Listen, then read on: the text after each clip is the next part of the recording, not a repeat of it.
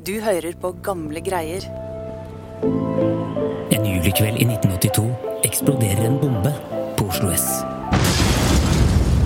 Det var enorme skader. Vrakrester lå spredt utover hallen. Flere mennesker var hardt såra. Bekreftet fra vår patrulje på stedet to personer som er skadet, og eh, en kvinne som er død. Altså, Hadde noen virkelig gått inn i Østbanehallen for å ta livet av flest mulig mennesker?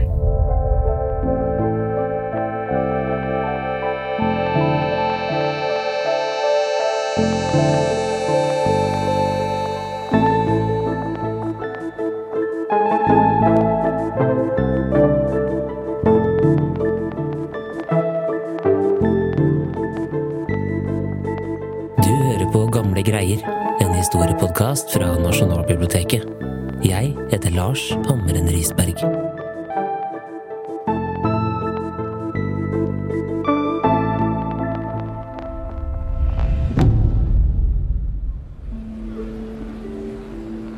Datoen var 2. juli, og klokka nærma seg halv sju på kvelden. Da folk eh, ikledd sommerklær vandra rundt i Østbanehallen på Oslo S. Chris Nyborg, lokalhistoriker på Nasjonalbiblioteket. Det var snakk om ja, over 100 folk som var der.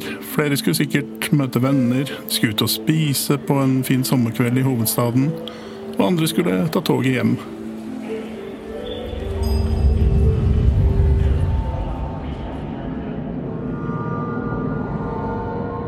Men eh, den rolige atmosfæren skulle brått ta slutt.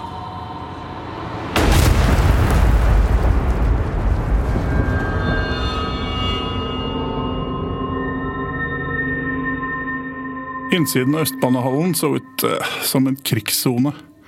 Det var enorme skader. Vrakrester lå spredt utover hallen. Flere mennesker var hardt såra.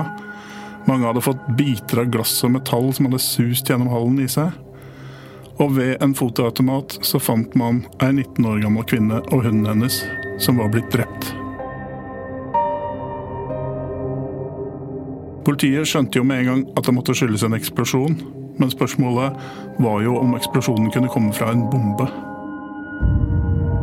Og så har vi nettopp fått beskjed om at det har vært en større bombeeksplosjon på Oslo sentralbanestasjon.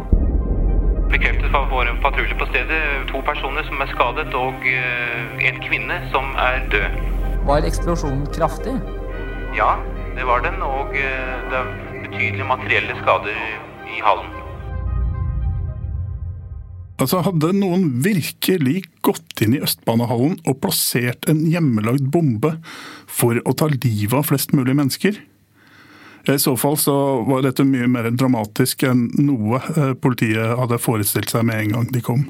Ja, og politiet satte i gang en etterforskning. Ja, En teori var at eh, de eller den som sto bak bomba hadde politisk eller ideologisk motivasjon. At det var et terrorangrep.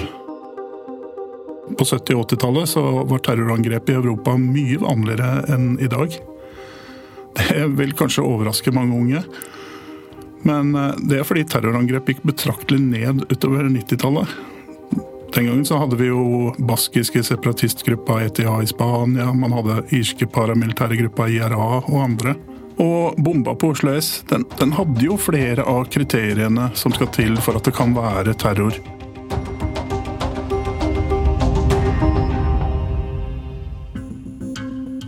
Men de neste dagene så var det ingen som påtok seg ansvaret for bomba. Så da begynte man å se på andre alternative teorier. Og en av de var at det kunne dreie seg om psykiatri. Og det kunne så klart også være en dårlig spøk som gikk fryktelig galt. Og så kunne det være så enkelt som at dette var en eller noen som bare ville markere seg. Etter hvert ble etterforskerne veldig nysgjerrige på to menn i 20-åra som skal ha blitt sett løpende fra Østbanehallen like før eksplosjonen skjedde. Og man etterlyste også ei kvinne som oppførte seg mistenkelig før bomba gikk av. Men det viste seg å være et blindspor. Så disse tre personene førte ikke til noen utvikling i saken. Men de neste tre dagene fikk politiet samlet inn såpass mange beskrivelser av det de mente var et nok grunnlag til å lage en digital fantomtegning av en av de som var ettersøkt, og som de mente kunne være løsningen. Denne tegningen ble publisert 5.7 og ble kjent som Robotmannen. Og den ble trykket i alle aviser og snakket om overalt. Men så skjedde noe som gjorde at fryktnivået nådde nye høyder blant Norges befolkning. På Grønland stasjon er det mange som er redde. Det har nemlig kommet en bombetrussel, og pga. bombeattentatet tre dager tidligere, så er det flere som lurer på er det en slags seriebomber i byen. Politiet de, de tar trusselen på alvor og sperrer av stasjonen. Og man går inn og prøver å finne bomba som angivelig skal være plassert der. Men eh, bombehundene de snuser og snuser uten treff, og like etter så er perrongen fylt av passasjerer igjen. Man fant aldri noen bombe på Grønland stasjon, så den ble åpna igjen.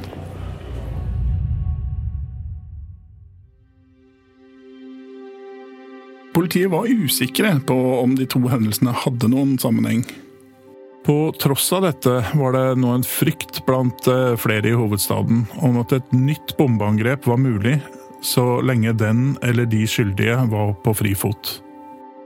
Politiet jobba på spreng, og eh, de hadde bl.a. fått kontakt med noen speiderjenter fra Nord-Norge som hadde vært på stasjonen. Og de hadde en del filmruller med bilder fra Østbanehallen. Kanskje den eller de skyldige rett og slett var med på de bildene. Men eh, dessverre, heller ikke det her ga noe gjennombrudd. Så gikk det også et rykte om at noen hadde ropt 'Heil Hitler' høyt og tydelig i Østbanehallen mens de løp bort rett før eksplosjonen. Det ble avvist av politiet, selv om et vitne sto fast på at dette faktisk eh, hadde skjedd. Og selv om det var under en uke siden politiet begynte etterforskninga, så var det folk som ble utålmodige på rask oppklaring. Og i pressen så var det én redaksjon som bestemte seg for å ta saken i egne hender for å hjelpe politiet med å finne den eller de som sto bak. Og av alle mediehus i Norge så var det Se og Hør. Se og Hør de, de tilbød nemlig et eh, veldig sjenerøst pengebeløp. 50 000 kroner for tips som kunne oppklare saken Se og Hør utlover 50 000 kroner til den eller de som kan gi oss opplysninger som fører til at bombedramaet på Oslo sentralbanestasjon fredag kveld blir oppklart. Ønsker du det, garanterer vi deg full anonymitet overfor politiet. I dag så tilsvarer det litt over 160 000 kroner, så det er et ganske vilt beløp. Så her var det mange som ville løse saken. Ja, og politiet økte også innsatsen. Så nå var det 10-15 etterforskere som kun jobba med å få oppklart bomba på Oslo S. Og da kom det inn en telefon til politiet. Mannen som ringte, var ansatt på Oslo S, og han hadde som jobb å tømme gjenstander i oppbevaringsskapene dersom ikke eieren henta dem etter sju dager. Det var den lengste leieperioden. Og når han hadde åpna en av disse oppbevaringsboksene, så så han en gjenstand pakka i en plastpose. Så han tok den med seg og la den på lagerrommet. Og så fikk han en rar følelse om at her er det noe merkelig med denne gjenstanden. Og da politiet gikk inn og så hva som var i posen, så er jeg ganske sikker på at de begynte å svette. For det var ei ny bombe.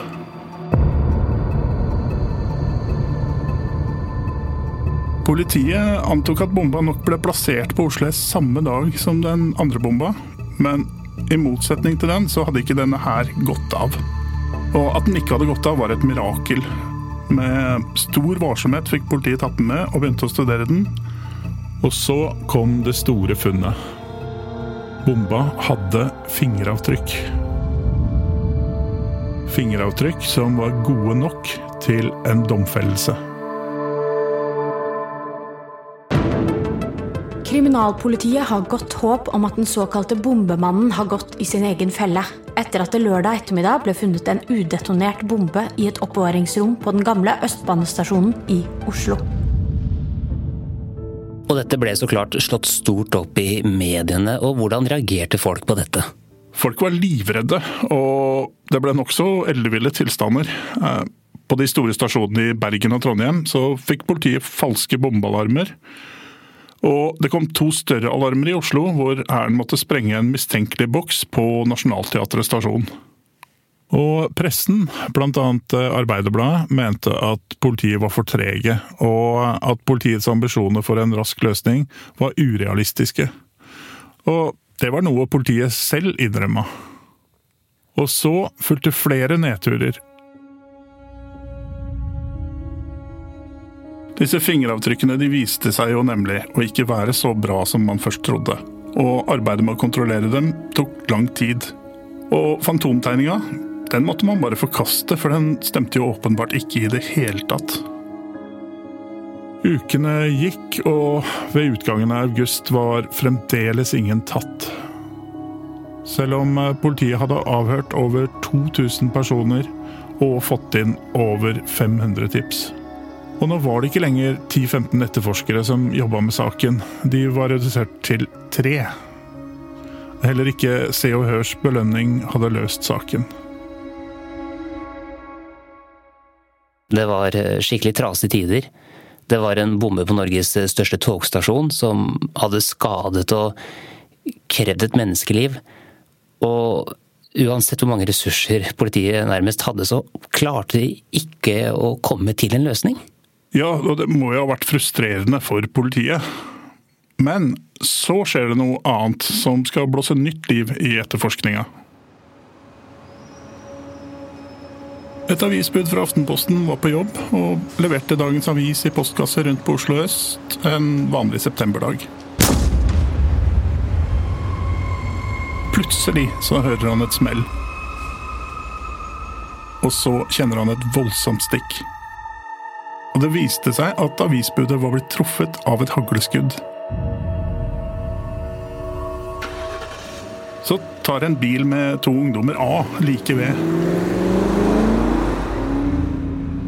Heldigvis for mannen så hadde en person i området sett alt sammen, og han hadde klart å notere bilnummeret på bilen som kjørte av gårde. Og da politiet ble varsla, så satte de i gang jakta i all hast.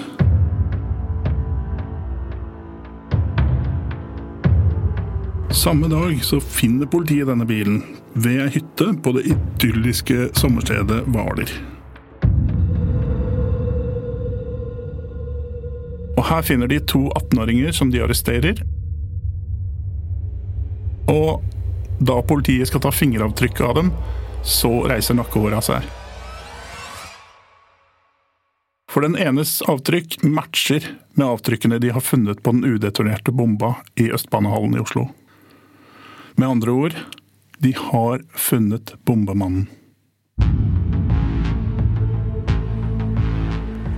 En 18 år gammel gymnasiast fra Oslo er siktet for bombeeksplosjonen på Oslo sentralbanestasjon 2.7, som kostet en 19 år gammel kvinne livet. Hva sa 18-åringen når han ble konfrontert med dette? Jo, 18-åringen, som for øvrig ikke ligna på fantomtegningen politiet gikk ut med først, han tilsto. Han var mannen som hadde laget bombene, som hadde gått til Oslo S og plassert dem der.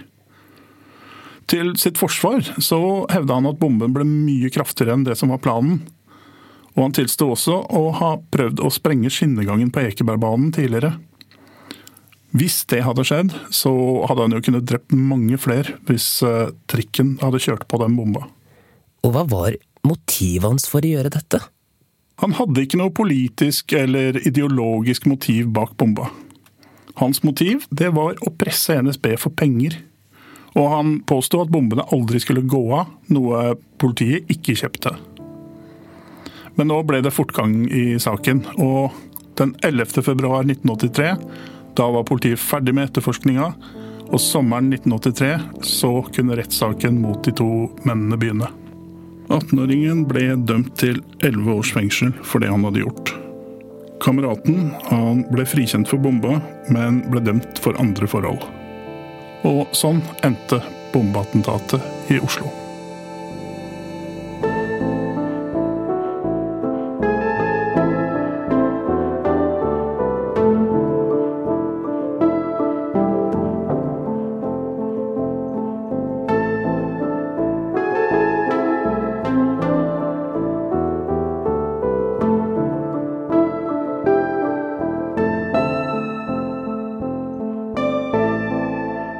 Denne episoden ble laget av Chris Nyborg, Ragna Nordenborg og meg, Lars Hamren Risberg.